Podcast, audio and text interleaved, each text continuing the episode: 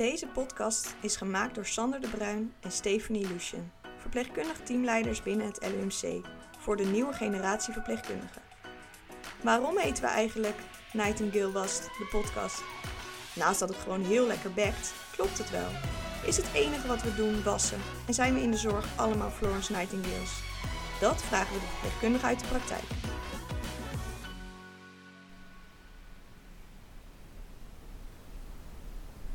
Yes. Ja, hij doet het. Het is eventjes een tijdje natuurlijk uit de running geweest, maar de stof is er weer af. Derde seizoen. En de eerste gast is Marlies. Welkom. Welkom. Dank je, spannend. IC-verpleegkundige. Ja.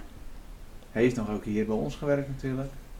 Maar op eh, de HEMAT en op de ONCO, allebei. ja, het korte verblijf hier. Ja. Ja. En eh, sinds twee jaar denk ik.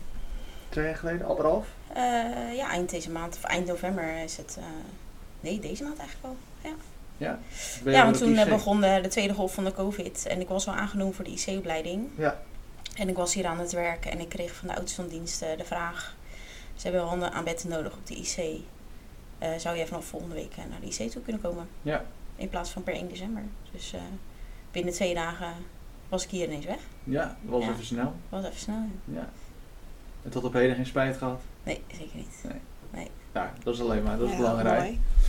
En, eh, nou ja, het was toen in de COVID-tijd natuurlijk. Het begon net hier ook. Volgens mij was dat in Het was tijd. tweede golf in het Tweede najaar. golf. Ja, Ja. klopt. En hoe was dat op de IC? Hectisch. Ehm, want ja, je eh, gaat ervan uit als je een opleiding start dat je de eerste weken eigenlijk een inwerktijd krijgt. Ja. Ehm, dat is verkort naar twee dagen. Hm. En toen eh, ben ik gelijk eigenlijk eh, vol ingezet als buddy Ja. eh, in plaats van mijn inwerkperiode. Ja. Zodat ik wel kon kijken wat er aan de hand was op de IC, maar eigenlijk gelijk handjes aan bed had en de verpleegkundige daar kon ondersteunen. En, dat wat hield precies de buddy in? Nou, je, ehm, eh, je staat eigenlijk eh, paraat naast een IC-verpleegkundige en helpt met het uitzetten van medicatie, het verzorgen van patiënten in bed, Ja. Eh, extra handjes voor eh, dingen vast te houden, helpen met het verwisselen van tubefixatie, dat soort Hm. dingen. Ehm, dus echt eh, de extra paar handjes die zij eh, misten. Ja. Ja. Dat is Ja. wel gelijk heel anders, hè? Dat is gelijk heel anders, ja. Ja. En zeker omdat je gewend bent eh, om als zelfstandig verpleegkundige op de verpleegafdeling te werken, voer je daar eigenlijk uit wat ze van je vragen. Ja. Ja, En dus het vraagt een hele andere rol even. op Ja, dat vooral het vraagt een hele andere rol inderdaad. Ehm, en vond het soms ook wel eens lastig om vragen te stellen. Omdat het gewoon zo druk was. Je Ja. wil ze ook niet lastigvallen. Omdat ze Nee. zo druk zijn. En hoe lang heb je dat gedaan uiteindelijk? Totdat je de Ehm, opleiding ging starten? Ja, de opleiding startte per 1 december, dus dat was een maand. Oké. Ja, en dan daarna eh, ja, begin je eigenlijk met je categorie 1 patiënten. Dus dat zijn de onbeademde patiënten, is de bedoeling. Hm. En over het algemeen start je op een, in een normale situatie met eh thoraxchirurgie patiënten die naar de afdeling mogen. Ja. Maar dat was er niet. Weet je, er was alleen maar corona geïntubeerd. Dus Ja. eigenlijk voer je dan bij een patiënt die een hoge categorie heeft, die geïntubeerd is, of soms aan de dialyse, eh, de taken uit die jij in een categorie 1 zou mogen uitvoeren. En de rest eh, koppel je terug of eh, draag je over aan de IC-verpleegkundige. Ja. Dus dat maakt het ook heel anders in die tijd. Ja. Ja. En hoe heb je zelf die tijd ervaren? Ja, ik ben altijd een type gewoon doorgaan, PPD doorgaan. Ja. Eh, want het is niet anders. En dat is ook de reden waarom ik gewoon naar de IC wilde. Maar het maakt, voor je, het maakt het voor je leerproces wel moeilijker. Want je moet alles thuis doen. Ja. Kijk, normaal gesproken in de ideale situatie heb je leermomenten op de afdeling. Krijg je daar ook ruimte voor. Maar het was er niet. Nee. Dus eh, dat doe je thuis. Dus dat was gewoon vooral heel druk. En ik heb een dochter van, van nu vier. Dus daar moet je gewoon een balans in zien te vinden. Ja. Want jullie starten toen destijds, ja, ze zoeken toch altijd heel veel verpleegkundigen, wij ook natuurlijk. Eh maar de IC net zo. Eh, hadden de anderen dat ook? Er was, Ehm, was denk ik gewoon eigenlijk gewoon geen ruimte in die tijd. Nee, precies. Mijn medestudenten, daar hadden we het natuurlijk wel over en die ervaren dat ook zo. Ja. Maar je weet dat het niet anders is. Je weet Nee. dat je in zo'n, ja, in zo'n tijd hebt gesolliciteerd Ja. en de opleiding wil gaan starten. Dus je weet dat dat een mogelijkheid is. Ja. En dan komt het eraan en dan, ja, je weet het. Dus je, je accepteert en je gaat door. Ja. Ja, je hebt hem wel behaald. Zeker. Daar ben ik wel heel trots op. Ja. Ja, Ja, dat mag je ook zijn, ook, denk ja. ik, toch? Dat is een hele gave eh, diploma om te hebben. zeker. En je gaat nu, ja, je zei net al heel eventjes, je gaat verder. Ja, klopt. Specialiseren. Ja, ik eh, ga verder met de opleiding tot kinder-IC-verpleegkundige. Ja. Ja. ook heel En tof. hopelijk in het voorjaar. Want dat is een eh, gecombineerde baan, toch? Of mag je in ieder geval voor kiezen? Ja, tegenwoordig mag je ervoor kiezen inderdaad. Ja. Of je naar de kinder-IC wil, ja of nee. Eh, en ik heb vorige week toevallig een week meegelopen om te kijken hoe ik het zou vinden. En of het me niet ehm, emotioneel te veel zou raken. Ja, Eh, en ik ben heel blij dat die ruimte er ook was, dat het Ja. mocht. En ehm, eigenlijk besloten dat ik het eh, wel enorm leuk en gaaf vind. Ja. Dus dat ik graag door wil. Ja, ja, dat zou ik ook wel lastig vinden. En daarom heb ik nooit voor de kinderen gekozen. Omdat ik denk, ja, ik weet niet. Nee, je moet wel kunnen relativeren. Ja, En daar was ik wel het meest bang voor. Dat ik het niet zou kun- meer zou kunnen relativeren, omdat het om kleine kinderen gaat. ja. Ja, veel Eh, hart, denk ik. Veel hart. Ja, heel veel hartchirurgie hier in het ziekenhuis inderdaad. Ehm, Stemcel. misschien. ja, en die lagen er dan nu niet. En vooral eh kindjes die aan hun hart waren geopereerd eigenlijk. En ja, dat kun je wel, ik kan dat wel makkelijk relativeren. Want de kinderen hebben vaak een aandoening die al heel zeldzaam is. Dat je daarvoor komen ze naar een universitair centrum om daarna geholpen te worden. Maar ik kon het emotionele wel van me afzetten. Dus ik kon die kindjes en de ouders eh, ja, wel bijstaan. Want ja. Ja. ik loop mee, ja, wat van je dan? Maar ik kon het wel ehm, relativeren Ja. met mijn situatie. Ja. Nou, dat is alleen maar fijn. Dat is denk ik ook hard nodig. Zeker. Want hoe lang duurt zo'n specialisatieopleiding? Eh, de kinder-IC duurt, duurt 10 maanden. Oké. En de normale IC is Eh Eh, 18 maanden. 18 maanden. Ja, Oh, en met kinder-IC loop je dus ook nog stage eh, op de kinderafdelingen, chirurgisch en beschouwend. Oké. eh, en op de neonatologie. Oké, dat is wel, klinkt als een gave opleiding dan. Ja, heel anders weer. Ja. ja. Het is ook een hele andere manier, eh, wat ik heb gezien in die week tijd, dan op de vaste IC. Een hele andere manier van, eh, van verplegen. Ja. Het is echt, ehm, Wat maakt het anders? Ja, dat het om kleine kinderen gaat. Kijk, je kunt ze ook niet zo goed met ze communiceren als dat je met volwassenen kunt. Kun je met gestudeerde en geïntubeerde patiënten ook niet. Maar wel met hun familie kan je dat meer. Nee, nee, kan je geen goed gesprek aan. Eh, dus je let ook meer naar de houdingen van die baby's. En je vaak meer op je klinische blik. En je klinische blik is ook heel belangrijk op het volwassen IC. Maar ehm terwijl kinder-IC is toch nog even wat meer van belang. Ja. Eh, om een kindje comfortabel te krijgen. Of waar heeft het kindje last van? Hm. Omdat het voornamelijk baby's zijn die ik vorige week heb gezien. Ja. Dus ze kunnen dat niet zelf zeggen. Nee. Nee, en nee, heel veel eh, communicatie met de ouders. Ja, en dat precies. is ook iets wat je op die C heb je natuurlijk dat ook al meer, omdat je meer communiceert met de familie. Dat heb je op een verpleegafdeling toch ook wel vaak ietsje minder. Zou meer moeten zijn in ieder geval, Ja. denk ik. Nee, klopt. Op een kinder-IC ehm, zijn eh, ouders begrijpelijk ontzettend betrokken. En daar overleg je alles mee. En dat is op een volwassen IC ehm, ook. Want de enige die je kunt vertellen over de gezondheidssituatie vaak is dus de familie en de naasten. En daarom doen we ook regelmatig familiegesprekken met de arts en de, na of de familieleden van de patiënt op het volwassen IC. Dat vind ik ook gewoon heel mooi en fijn. Weet je, dat mensen ook gewoon betrokken worden bij de zorg die we Ja. geven op de IC. Is Ja. het anders dat je, je hebt ook op verpleegafdelingen gezeten, hier op de, de oncologie, op de hematologie heb je ook gezeten. Ja. Is dat anders? Ja, dat is wel anders. Ja. Ja. Meer in de zin van dat als je een familiegesprek wil hier of hier op de oncologie of op de hematologie, dan nou plannen we dat, krijg je, nou plannen we volgende week ergens in of zo. Ehm, maakt het ook anders dat het een andere manier van zorg is die je geeft, omdat het een vaak een langdurige zorg is die je geeft, de oncologie. En de IC toch het acutere is en gezondheidssituaties enorm snel kunnen veranderen. Maar als je vraagt, s ochtends bij de arts om een familiegesprek, vindt dat 's middags al plaats. Weet je? Ja. Dus dat, daar zitten al veranderingen in. Ja, wat ik al eerder zeg, het komt ook gewoon echt met de acute zorg. Heeft dat gewoon te maken, omdat de Ja. situaties gewoon continu veranderen op de IC. Ja. En heb je iets meegenomen vanaf de verpleegafdeling naar de IC? Dat je zegt, oh, dat is wel echt iets dat ik nu ook toepas op de IC, want eh, was het, eh, wordt niet gedaan of eh, geen idee. Zegt, het is echt niet te vergelijken. Nou, niet te vergelijken vind ik wel heel anders. Hm. Dat vind ik wel het, weer het uiterste, zeg maar. Maar je neemt eh, altijd wel wat mee van de afdelingen waar je ook komt. Kijk, ik heb er heel veel gezien. Maar je neemt van elke afdeling wel wat mee. Ja. En ik denk dat het, eh, wat ik het meest heb meegenomen, is toch eh, de betrokkenheid bij de patiënten en de familieleden. Die je op de oncologieafdeling enorm hebt. Omdat je constant die gesprekken ook met de patiënt zelf hebt. Maar Hm. ook met familieleden over de situatie. En ook blijven nadenken. Het is een persoon eh, waarvan gehouden wordt. Ehm, dat je dat dus dan meeneemt. is wel mooi gezegd. Ja, er is eigenlijk niet zoveel aan toe te Nee. voegen, denk ik. Hey, en, ehm, eh, want je hebt natuurlijk wel meerdere afdelingen binnen ons ziekenhuis eh, gezien. En, ehm, eh, want ja, dat doet eigenlijk een beetje, lijkt een beetje op jouw vraag. Maar tegenwoordig word je best wel snel ook aangenomen voor de IC, omdat er gewoon best wel veel tekorten zijn, zoals overal. Denk je dat dat een goede ontwikkeling is? Dat je al zo snel in je carrière naar de IC gaat? Of denk je dat het beter is om toch eerst naar een of naar een, ja, toch een wat specialistischere afdeling om vanaf daar naar de IC te gaan.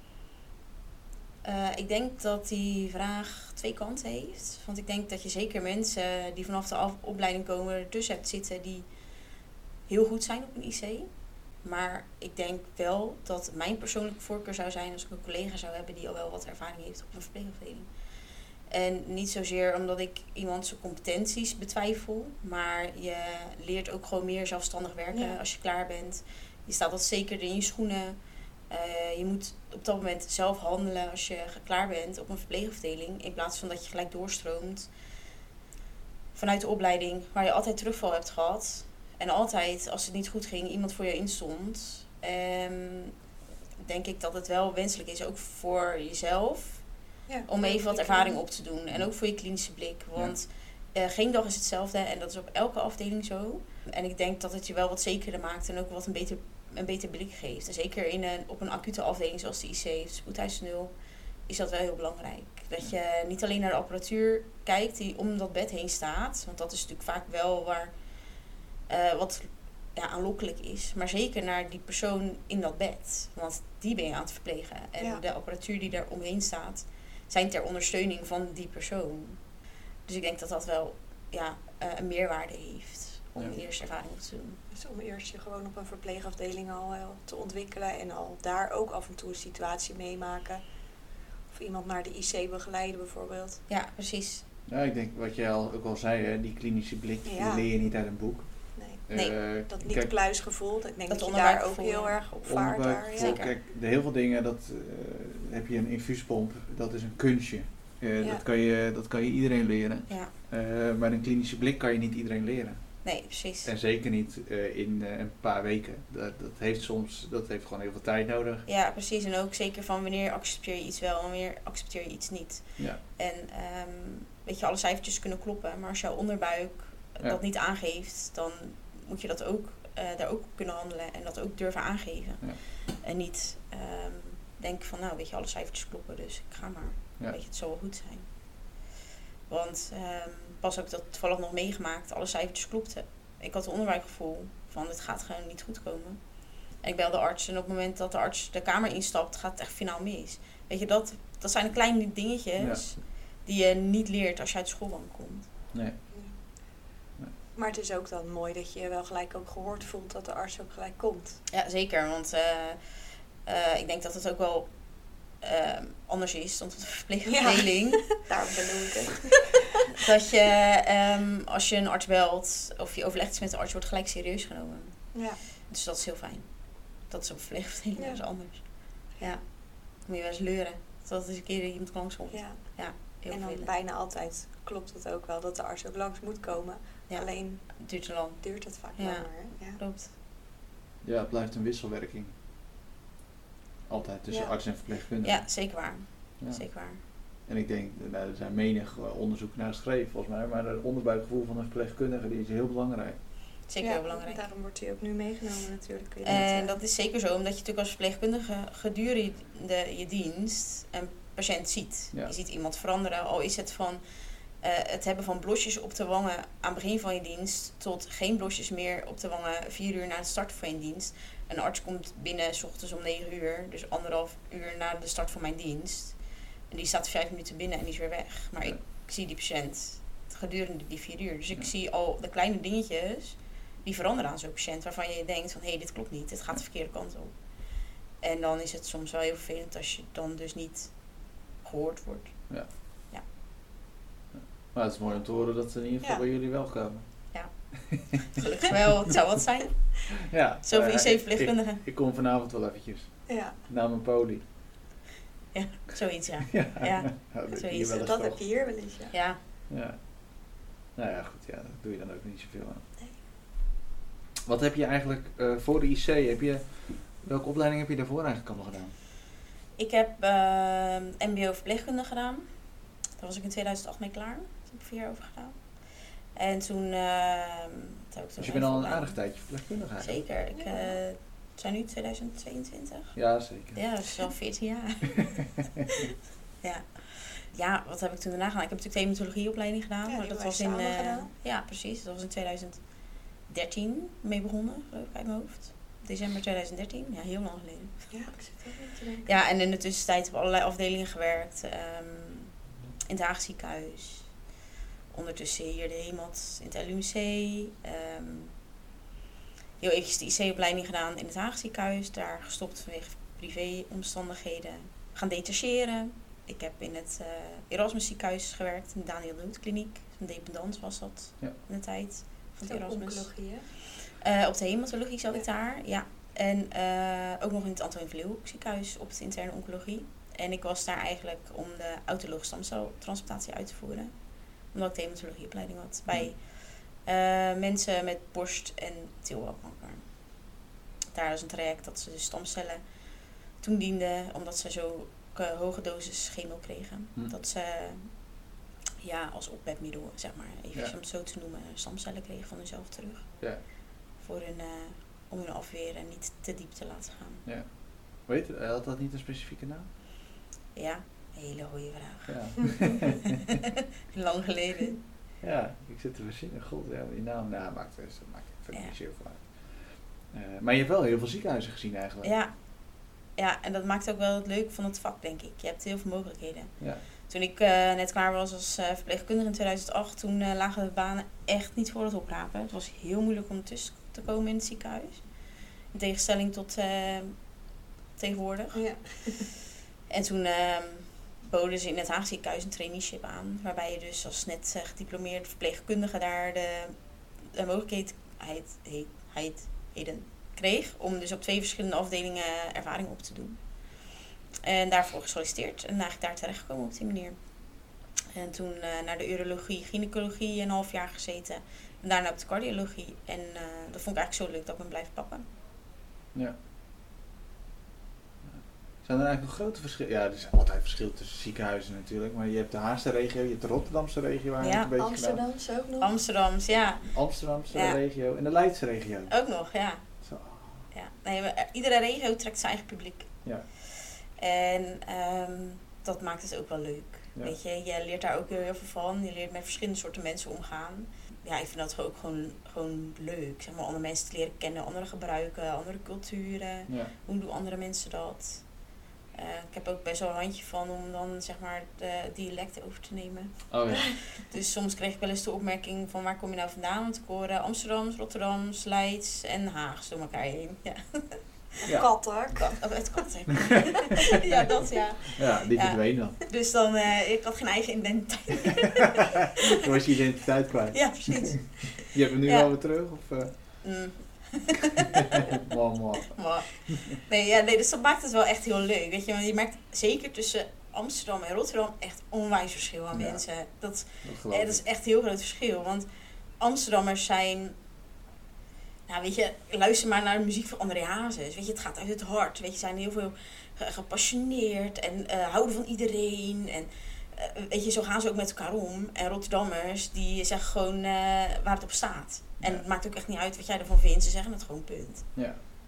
En, en dan is het niet van leer maar met, jij leert gewoon maar met mij omgaan, want zo ben ik gewoon punt klaar uit. Ik zeg Ja. gewoon wat ik ervan vind. Oh ja. En Amsterdammers zijn het echt wel wat meer genuanceerd daarin. Ja. Willen graag geliefd worden door iedereen. Weet Ja. je, dat is wel anders. Ja. Maar toch, ik vond altijd de, de echte Amsterdammers, gewoon die echt uit de pijp komen, Ja. dat soort dingen, die konden ook best wel direct zijn. Ja, kon ze ook wel. Zeker. Ja. Maar die kunnen zeggen het dan wel op wel- een lievere manier Ja. dan de Rotterdammers. Ja. Dan de echte Rotterdammers. Ja, en vaak met een glimlach. Ja, precies. Ja, Dat ik weet nog dat ik toen... Ik Meent hij het nou, of zit hij nou mijn eigen in de zuik te nemen? Ja. En dan, eh, dat vond ik ook best wel lastig inderdaad in Amsterdam. Want ik weet nog dat ik op gesprek kwam in het Erasmus in de Daniel de Hoed. Voor de detachering. En dat de teamleiding daar zei van... Nou ja, je moet wel rekening houden dat ze hier heel erg direct zijn. En eh, moet je niet persoonlijk nemen. Eh, en als er wat is, dan kom je maar naar ons toe. En dat ik dus, dat ik zei, nou ja, weet je, ik ben zelf ook direct gaan het zien. En dat twee maanden nadat ik, nadat ik daar aan de slag was gegaan, de teamleiding naar me toe kwam. Nou, je past er eenmaal tussen, hè? Je bent net zo recht door zee als de rest. Eh, ja, Ja. ik heb niet echt problemen mee, nee. Nee. nee. Ja, ik heb zelf ook wel in die Amsterdam. Ik vond Amsterdamse regio wel leuk om te werken. Ja, zeker leuk. Ja, Ja. zeker leuk. Ja. Maar dat vond ik Rotterdam ook. En daarna Nou ja, die heb ik dan niet gehad. Nee. Elke regio heeft charmes. Ja. Ja. En wat heeft dan Den Haag? Den Haag, ja, echt die Haag en deze, die zijn, dat zijn levensgenieters. Die zijn zo gezellig, maar die kunnen ook juist helemaal gewoon door het lint gaan om niks. En, maar uiteindelijk, als je dan met ze in gesprek gaat en rustig blijft, dan worden ze ook weer, komen ze ook weer naar aarde terug of zo. Weet Oh, je? En dan kan je ze ook weer met ze erover hebben. Dus ze zitten net een beetje denk, ik, tussen Den Haag en Rotterdam, of eh, Amsterdam en Rotterdam in. Ja. Dat mag ik niet te hard zeggen, denk ik in Den Haag. Nou, ik denk dat Hagenezen toch wel meer naar Rotterdam trekken dan Ja, dat bedoel ik niet. ja. Want ze niet vergelijken met Amsterdam, denk ik. Nee, dat denk ik ook niet. Nee, nee. Dan eh, halen ze je neer, zeg maar. Plus dat je in Den Haag natuurlijk heel veel ehm, andere culturen Ja. ziet. En dat zou je natuurlijk in eh, Amsterdam en Rotterdam ook wel verwachten. Maar op de verpleegafdelingen zag ik dat toch wel wat minder. Ja. En ik zat natuurlijk in het Antonie van Leeuwenhoek ziekenhuis. En de meeste mensen die dat ziekenhuis weten te vinden... zijn mensen die zelf op zoek gaan op internet... van wat heb ik nog meer voor mogelijkheden in mijn behandeling... dan dat de dokter in het ziekenhuis zegt. En Ja. dat zijn toch... Ja, dat is ook wel leuk aan het Antonie van Leeuwenhoek ziekenhuis. Er komen mensen uit het zuiden van Limburg en Ja. uit het noorden van Groningen. Dus uit het hele land eigenlijk. En dat zijn overwegend toch wel de blanke mensen. Ja. ja. Vond ik ook altijd wel leuk hoor, in het AVO. Eh, de, van alle, ze kwamen overal vandaan. Ja. België. Overal. Nou, want er was er weer een van onderzoek eh, van nieuwe behandeling, fase 1, studie opgestart. Ja. Nou, en dan kwamen ze naar het AVL. Ja, vond ik ook leuk. Maar het was een vrij wit, eh, als je het zo zegt. Ja, Want eh, je had Slootvaart 90. natuurlijk aan de overkant. ja, precies. En die sloot uiteindelijk, de, sloot, de vaart sloot. Ja, ik denk dat 90% wel blank was, 10% eh van Ja. andere afkomst. Het Slootvaart was weer een andere populatie. Ja, en andere, ehm, ander ziekenhuis. Ja. Andere specialisme. Nee, natuurlijk. Je kan het natuurlijk niet vergelijken nee. met elkaar. Maar het is natuurlijk grappig dat je twee ziekenhuizen naast elkaar hebt liggen. Ja, En eh, totaal verschillend. zeker. Ja. Ik weet nog wel toen ze failliet gingen. Ja. Mijn hemel. Ik zag Ja. mensen met schilderijen onder hun arm eh, de ingang uitgaan. dat ik dacht, Ja, is echt heel is dat voor jou of is het gewoon... eh, Ja, ik ben nee. daarna ook nog wel eens in eh, ben ik dan ook nog wel eens binnen geweest, want de apotheek van het AVL zat natuurlijk daar. eh. Ja, klopt. En daar kwam je binnen. Nou, het was echt alsof je door... het was helemaal uitgestorven natuurlijk. Ja. Dan moesten we naar boven door het trappenhuis, maar het was natuurlijk heel raar. Ja. En heel veel collega's ook die toen naar het Antonie van Leeuwenhoek ziekenhuis zijn Ja. gekomen. Ik had een paar Was- collega's, ja. Ja, ik ook. Was, eh, was leuk. Althans, ja, voor ons, voor hun was het natuurlijk minder leuk. Ja, voor hun was het zeker minder leuk. Ja. Het is ook wat hun vertelden, gewoon een hele andere sfeer wat in de Ja. slootvaart hing. Ze waren, waren veel meer close dan dat, zij, dan dat we in het AVL waren. Hun zagen dat verschil heel erg. Ja. We moesten daar heel erg aan wennen. Ja. En waren hun vaste collega's natuurlijk kwijt. En ook ehm, verpleegkundigen die daar echt een maand later 45 jaar in dienst zouden gaan zijn of iets. Of dat dat werd gewoon, dat, dat werd gewoon niet gevierd, Nee. want het was er niet meer. Nee. Dus dat maakt het wel heel Was heel zuur. Ja. Ja. Heb je veel doorstroom op de IC? ja. Ja? Ik denk wel meer dan gewoon een verpleegafdeling. Ja? Ja. Ja? Oké, dat zou ik niet zo snel verwachten, maar waar, waar gaan ze dan voornamelijk... eh Eh spoedeisende op ambulance eh, voornamelijk. ja, toch spoedeisende? Laatste Oké. tijd wel. Ja? Oké. Of andere Ik dacht altijd dat het zo eerder Ja, ik andersom dacht, was. ik dacht ook dat het een beetje een soort eindstationnetje was, de IC. Ja. Nee, de meeste, nou, de meeste er zijn toch wel een aantal die natuurlijk de, een acute afdeling opzoeken voordat ze doorstromen naar de, naar de ambulance. Oh ja.